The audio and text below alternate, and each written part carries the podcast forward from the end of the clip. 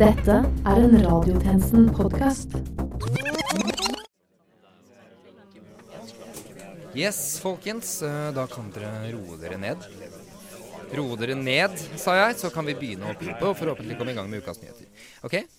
OK, da setter vi i gang. Tjenestekvinne Austad. Her. Flott, veldig bra. Tjenestemann Veier Osvold. Her. Supert. Tjenestemann Johnsen. Her. Tjenestekvinne Legreid. Her. Tjenestemann Tanja Olsen. Her. Tjenestemann Uhell-Ulf. Ja, her. Tjenestemann Dyrnes. Tjenestemann Leion. Her. Tjenestemann Kråge. Skallebankmedlem Emil Hauge. Her. Ja, feil rom. Tjenestekvinne Gannestad. Tjenestemann Lahlum. Tjenestebikkje Rolf. Flink gutt. Tjenestemann Hegdal. Tjenestebrødre Tjuklesen. Og tjenestemann Nærum her, så klart. Ja, det var vel alle, egentlig. Hva med tjenestekvinne innledende jinglestemme?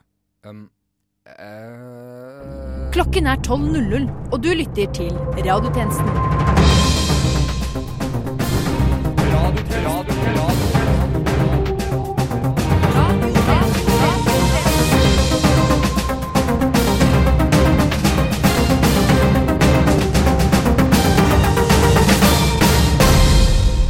Velkommen til denne ukens radiotjenesten. Dette har vi å melde. Politiet skal ikke lenger gå med skarpladde våpen. Du skjønner at infoen vår viser at terrortrusselen har minsket med ca. to sekunder. For å markere sin avsky mot IS sine grusomme handlinger har en mann i 20-årene nå bestemt seg for å melde seg ut. Og innledende reportasjespørsmål. Er de retoriske? Nei. Bare noen få.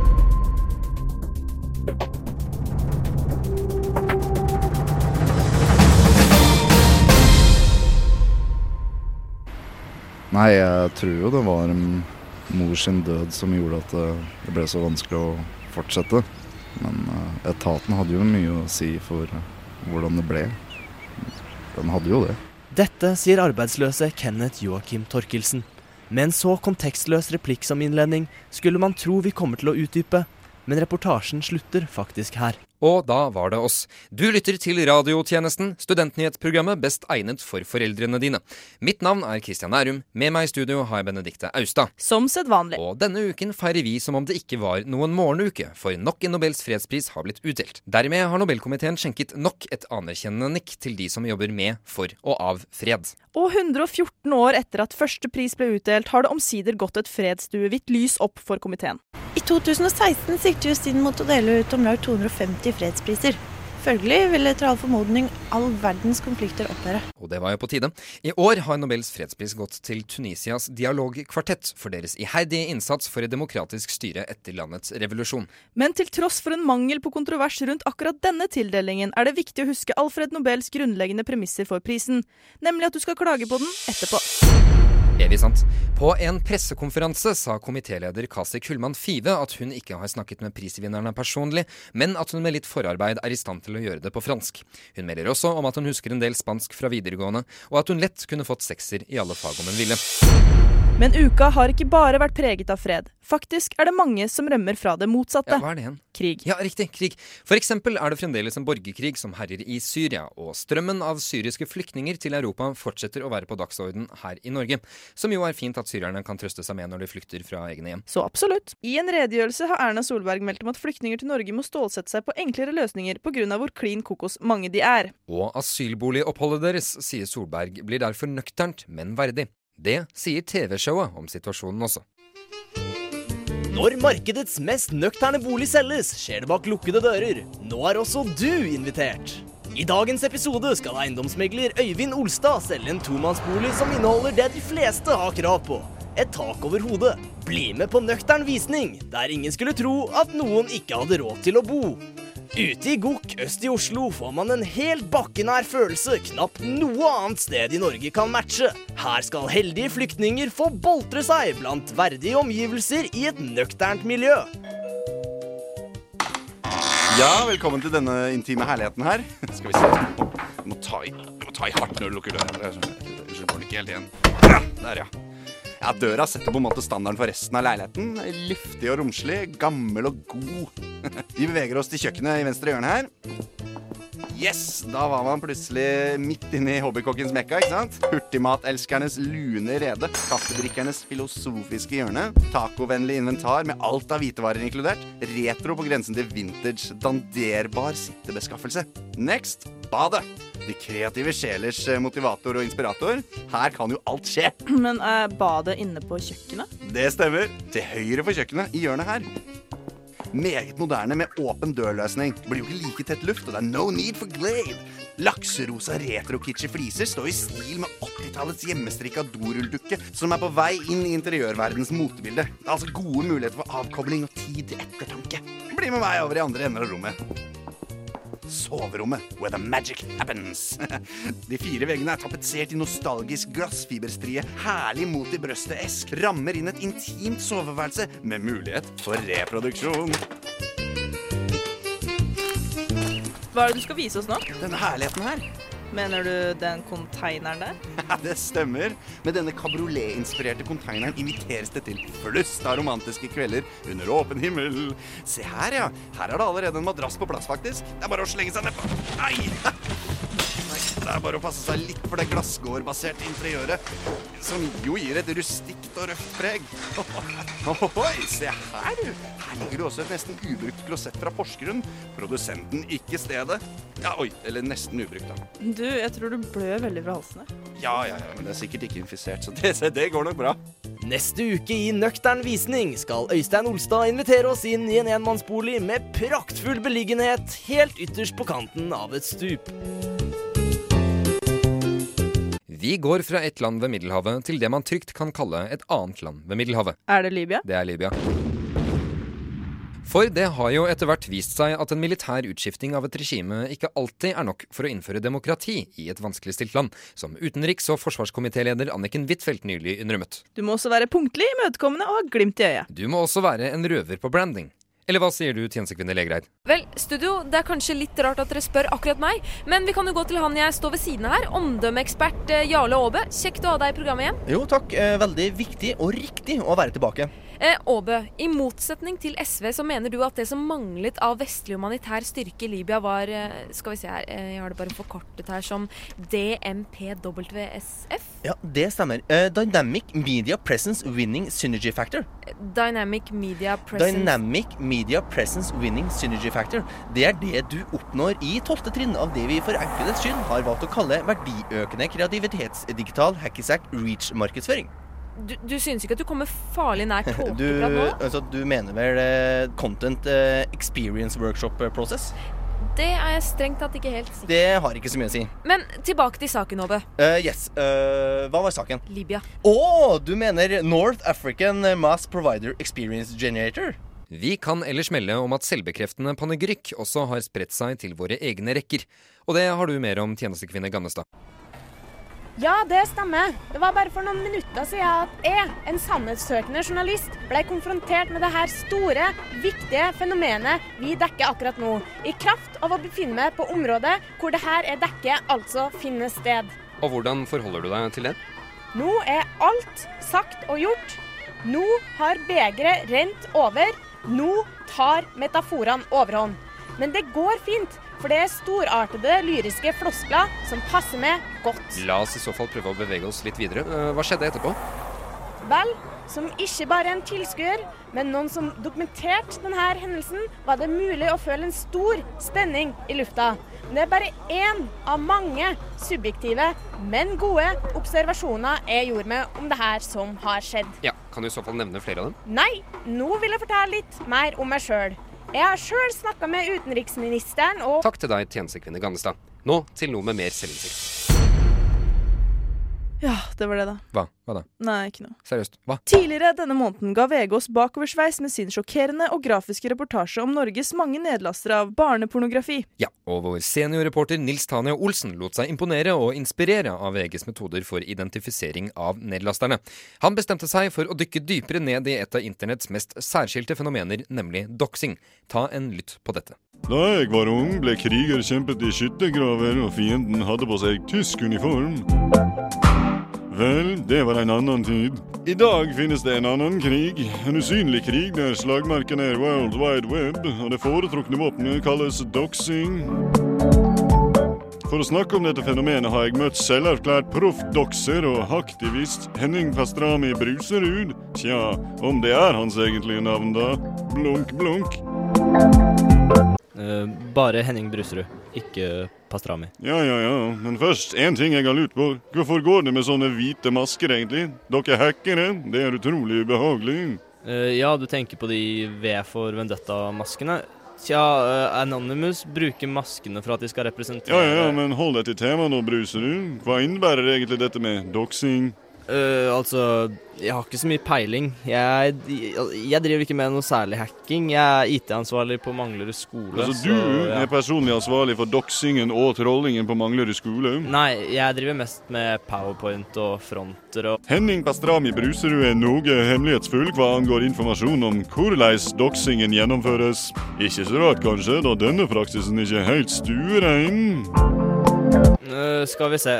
Jeg kan sjekke Urban Dictionary. Uh, ja, uh, doxing er å utlevere privat informasjon om noen på internett, gjerne sosiale medier, slik at de kan identifiseres. Eh, hensikten med å gjøre dette kan være alt fra utpressing, hevn, trakassering, vigilant Så det er liksom uh, 2015-versjonen av å lynsje noen? Eller? Altså, Tanja Olsen, jeg kan ikke så veldig mye mer om dette enn deg. Jeg er bare IT-ansvarlig på mangel. Jeg må avbryte intervjuet idet Pastrami Bruserud er i ferd med å legge ut hjemmeadressen min på twitter.com, etter at jeg i et beruset øyeblikk delte noen ganske kontroversielle synspunkter om fornybare energiressurser for bare noen uker siden.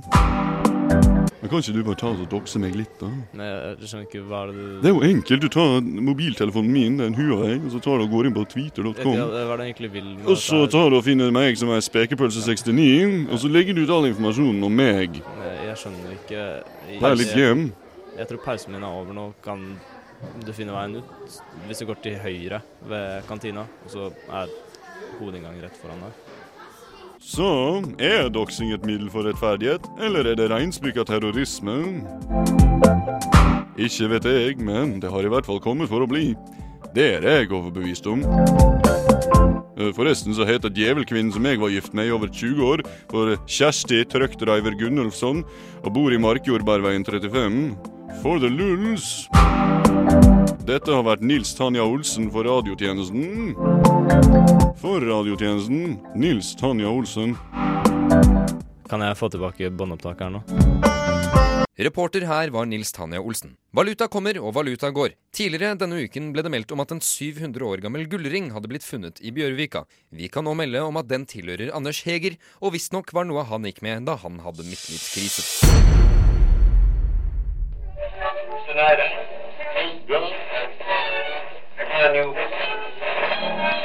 Men nå en pause, slik at tjenestemenn og kvinner får en pust i bakken og kan tenke på mer hyggelige ting som is, kløverhumle, formuesskattdebatt, P3-verter og alle de flaue, litt ko-ko tingene de gjør. Men verken du eller vi skal hvile for lenge.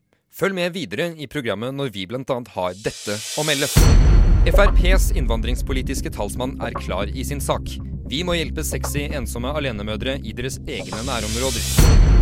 Jan Tore Sanner vil hamle opp med store lederlønninger. Nå lover han å prate enda mer om å stramme dem inn til neste år.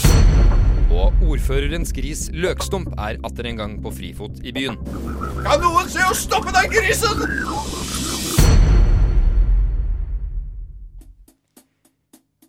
Hvor lenge kan en powernap egentlig vare? Ha, veldig sen, altså. Herregud, han er så treig. Ja, se der kommer tjenestemann Weier Osvold omsider tilbake igjen. Ja, du vet da, vi er sent ute. Vi, vi, vi trenger saken din. Jeg forsov meg. Beklager. Igjen? Igjen, ja. Ja, ok. Okay. Og, og sak?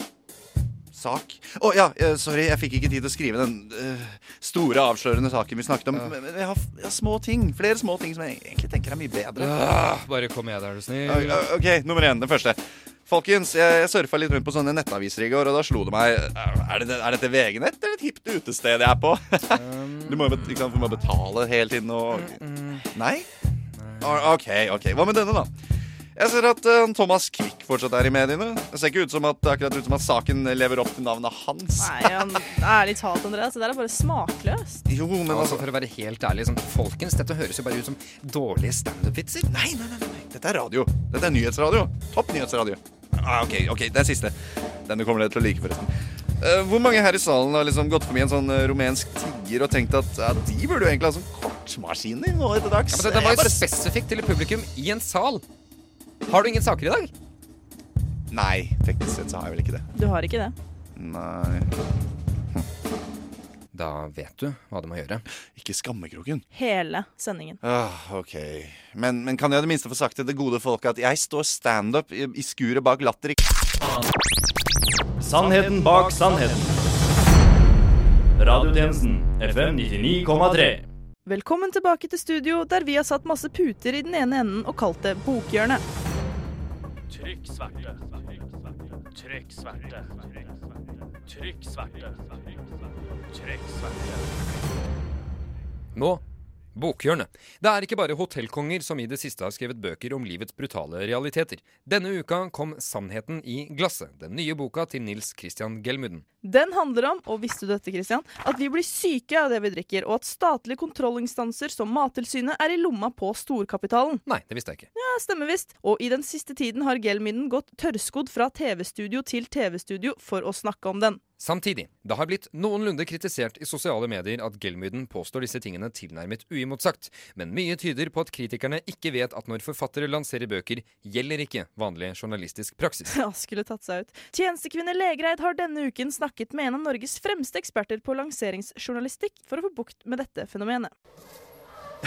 Jaså, så kalottene jødene går med er egentlig bare skalpen til spedbarn som de har spist i hemmelig ritual.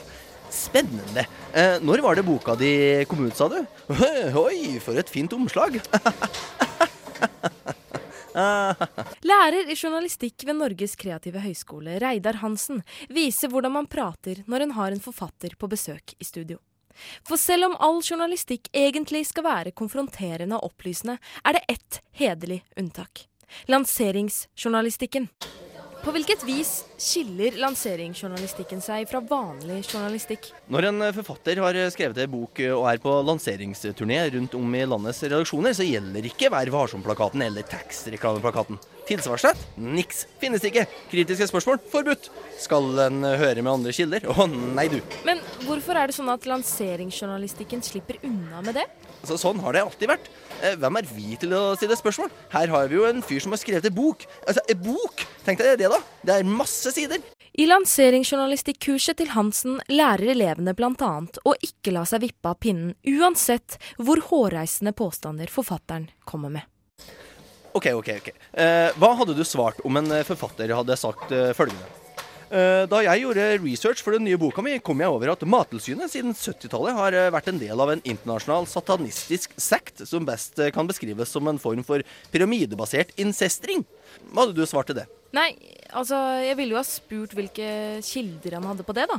Og, og der gikk du rett i fella. For sånn funker ikke lanseringsjournalistikken. Du trenger ikke en kilde. Boka er kilden. Forfatteren er kilden. Men har ikke Mattilsynet tilsvarsrett? Nei, Nei, hvorfor ikke? vi kan jo ikke fornærme forfatteren ved å gå hans påstander i sømmene, eller eh, gi ut tilsvarsrett til Gud og Bermansen. Han har en bok å selge, og vi vil gjerne ha han som gjest i studio neste gang han selger en bok. Men blir ikke dette nesten som eh, content marketing? Hva, hva, hva faen? Hva? hva? Hva sa du? Content marketing? Sa du? Altså, Vi kan da vi, vi har da visse prinsipper. Vi har da Nei, men integritet og Vi, vi kan jo ikke selge Jeg mener Nei, hva? Hansen informerer oss om at intervjuet er over, og sender oss på dør. Vi kan melde om at de relevante journalistene senere opplyste om at content marketing jo strengt tatt er et utfordrende emne som byr på problemer så vel som muligheter, og at det ved nærmere ettertanke er en nyansert debatt hvor det er viktig å holde hodet kaldt. Dette fra pressemeldingen de skrev i samarbeid med Coca-Cola. Men nå værmeldingen ved reportere Tusvik og Tønne. Lisa, beklager å måtte seire, men hvor i helvete er du? Ja, jeg kommer nå. Ja, men du er faen meg aldri på plass når vi skal lage værpodkast. Jeg kommer, Du jeg kommer, nå er jeg her, er jo her. Ja, jeg måtte kjøpe en paraply på Nille, skjønner du, en slik med svette kattunger på. Jeg er litt ruskevær. men du Lisa, dette går ikke. Nå har vi faktisk fått spons fra radiotjenesten. Hashtag annonse! Og vi har lovet dem om å melde været for helga. Da kan ikke du komme valsende inn her med en stygg paraply og looken til en også? Sigrid, altså Vi vet jo ingenting om været. Altså, Jeg vet at det blir fint vær når det ikke er skyer, men jeg kan ikke spå hvilket vær det blir i morgen. Jeg er nerkes! Ikke uteligger. Nei, men Lisa, når jeg tisser på meg, så vet jeg at det blir regn. Har du tissa på deg i det siste? jeg tissa på meg nå, og da vet jeg at det blir regn i morgen! Ja, men jeg visste det kom til å bli regn da Tone Dom Dom Domli sang til fosteret ditt på TV 2. Men eh, kanskje vi burde be Tone lage en fostersang-jingle Ja. til podkasten vår? Ja. Det er jo litt lame å ikke ha egen eh, jingle til podkast. Ja, det er sant, altså. Men, eh, men hvordan ville den ha gått, da? Nei, øh, noe sånt som eh, Nei, nei, nei, nei, nei, ikke syng! Sigrid, Nei, men, ikke sug! Lita, jeg syns egentlig at vær er ganske erotisk. Jeg. Når det regner, så vet gullkuken at det blir noe på han, for å si det sånn. Det samler seg til et lavtrykk over Sigrids fitteregion. Blir litt fuktig innholdsstrøket sør for Dovre. Den femte statsmakt. Radiotjenesten. Det har oppstått et problem i Oslo. Ja, det er utrolig, men det har faktisk oppstått. Et nytt fenomen har slukt hovedstadens ungdom, slik planking, narkotika og airwheels har gjort før det. Jeg må jo nesten gjøre det, da. Alle de kule gjør det. Vi snakker selvfølgelig om å skrive kronikk om bergensrapperen Kamel. Slim Kamel, unge Slim, sier ingenting. Han er så fet, ikke sant? Nå er han den feteste norske gaterappen på veldig, veldig lenge. Helt klart. Han har sjukt fet flow og tar wheelie på scooter og er ikke redd for noe. Den unge urbane artisten opplever det hiphop-hodene kaller hype, slik få andre MCs i gamet opplever. Men samtidig, vold er ikke noe å kødde med. Man bør jo ikke støtte en fyr som går rundt og slår folk i huet med murstein. Det er ikke kult med vold, egentlig. Man må jo ta avstand fra det. Men nå går det for langt. Nå tar han toneangivende norsk ungdom med seg ned i spiralen. Men herregud! Han rømte fra fengsel, da! Lite fett! Bare knuse skaller og fucke med snuten som bare pow, pow, pow! Akkurat som i United, liksom! Rap-guden unge Slim, Slim Kamel, bare upper gamet så jævlig fri kamelen! West Coast, motherfuckers! Reporter her var tjenestemann Dyrnes, og hvis dere likte ham, kommer dere til å elske dette. Hvorfor det? Fordi vi skal til sporten med Halvard Olsen Dyrnes. Sport. Konkurranse. Blod. Svette. Tårer. Vinner. Tidligere denne uken tapte Norges landslag i fotballkampen mot Italia, og må derfor tape i EM kvalikkamp istedenfor å tape i EM gruppespillet. Men dette var visstnok altså samme lag som gruste Kroatia. Hva gikk galt? Det aner jeg ikke. Men det gjør kanskje du, Halvard? Ja, for jeg står her på Voldsløkka kunstgressbane hvor det foreløpig ikke er kamp. Er ikke det, vet Med meg har jeg, som dere hører, fotballekspert Bjarte Frydenlund. Og Bjarte, kan ikke du være fotballekspert og forklare hva som gikk Mm. galt i Norges siste kvalikkamp? Ja, ja, det var helt tydelig at Norges 4-3-3 med diamant ikke klarte å bryte opp det effektive tversoverspillet til Italias 3-2-2-1-2 med brede vingbekker, dyptliggende playmaker og komplett spiss. Men det første målet til Italia, det var vel egentlig en tabbe av Norge? Nei, det vil jeg ikke si. Målet kom etter kort utført D-moment i Norges bakrom, hvor indreløperen til Italia kunne slå hardt inn mot bakre stolpe. Og så gjorde den norske forsvarsspilleren en tabbe. Nei, det vi så der var et tilbakespill som ble forstyrret av mann i rygg og ledet til målsjanse grunnet vårt spill med høytliggende offside-følger, og det er en sjanse man er nødt til å ta når man er så uspekulert. Bare se på Borussia Mönchengladbach. Men du er enig i at Italia styrte kampen, og at det var fortjent nok at de vant? Det vi så, var et Norge som lot Italia komme høyt for å spille kontringsspill med støtende trekortister, brede vinger og fremskutt spiss. Det var derfor vi satte inn på Joshua King, vet du. Joshua King, som har skåret ikke mer enn fire mål på nesten 100 kamper i England. Jo, men så har han jo som regel spilt wing for Bournemouth, og det syns jeg er Mener du virkelig alle de tingene du sier nå? Ja, ja, ja, og det var jo helt tydelig at Cielinis venstreben gjorde det umulig for Norges underskuddsbaserte gjennombruddsspill mellom stopper, back og linjeflagg, og kryssløypene i sonerommet ble obstruert av ankerrollen til Montolivo, noe som satte knut på Norges vingsystem og forhindret frittgående midtballspillere hos Norge. Dette, satt sammen med at Italias manager Conte lager en knakende god pasta vongole, ble det helt umulig for Norge å vinne. Er dette virkelig din analyse av kampen? Hysj! hysj, hysj, hysj, hysj, hysj, hysj, hysj. ja. Ja, landslaget vårt er kjempedårlig. Jeg vet det, men etter at vi slo Kroatia, har hele folket fått en ny gnist. Og Fotballforbundet har bedt oss om å ikke gjøre folk desillusjonerte igjen. Hvorfor er det så viktig? For hvis ikke entusiasmen rundt det norske landslaget er stor, tjener ikke Kjetil Siem nok penger. Og hva er egentlig poenget med fotballnasjonen Norge, da? OK, eh, vent. Hva sa du nå? Ingenting. Jo, jo du, sa, du sa noe om Kjetil Nei, Siem. jeg har aldri sagt noe om Kjetil Siem. Aldri tatt det navnet i min munn, unntatt nå da jeg sa at jeg aldri har sagt Kjetil Siem. Vel, jeg er helt sikker på at du sa noe om han måtte tjene nok penger. Du prøver ikke mot all formodning å si at NFF er en slags fornorsket nissesteinrørsversjon av Sepp Blatters Fifa? Nei, Da har det seg faktisk slik at Se, der er John Arne Riise som kysser Betssons administrerende direktør Magnus Siffelberg. Vent, her? På Voldsløkka? Hvor da? Jeg ser dem ikke. Hvor er de? Vent, Bjarte. Hvor ble du av nå? Bjarte? Bjarte? Er det du som gjemmer deg bak det cornerflagget? Nei! Nei! Vel, det er alltid fint å få en kamp forklart. Uh, vil du si noe innledende og pretensiøst i anledning det, Benedikte? Vi har mange kamper her til lands. Før kampen om tungtvannet og kampen for tilværelsen.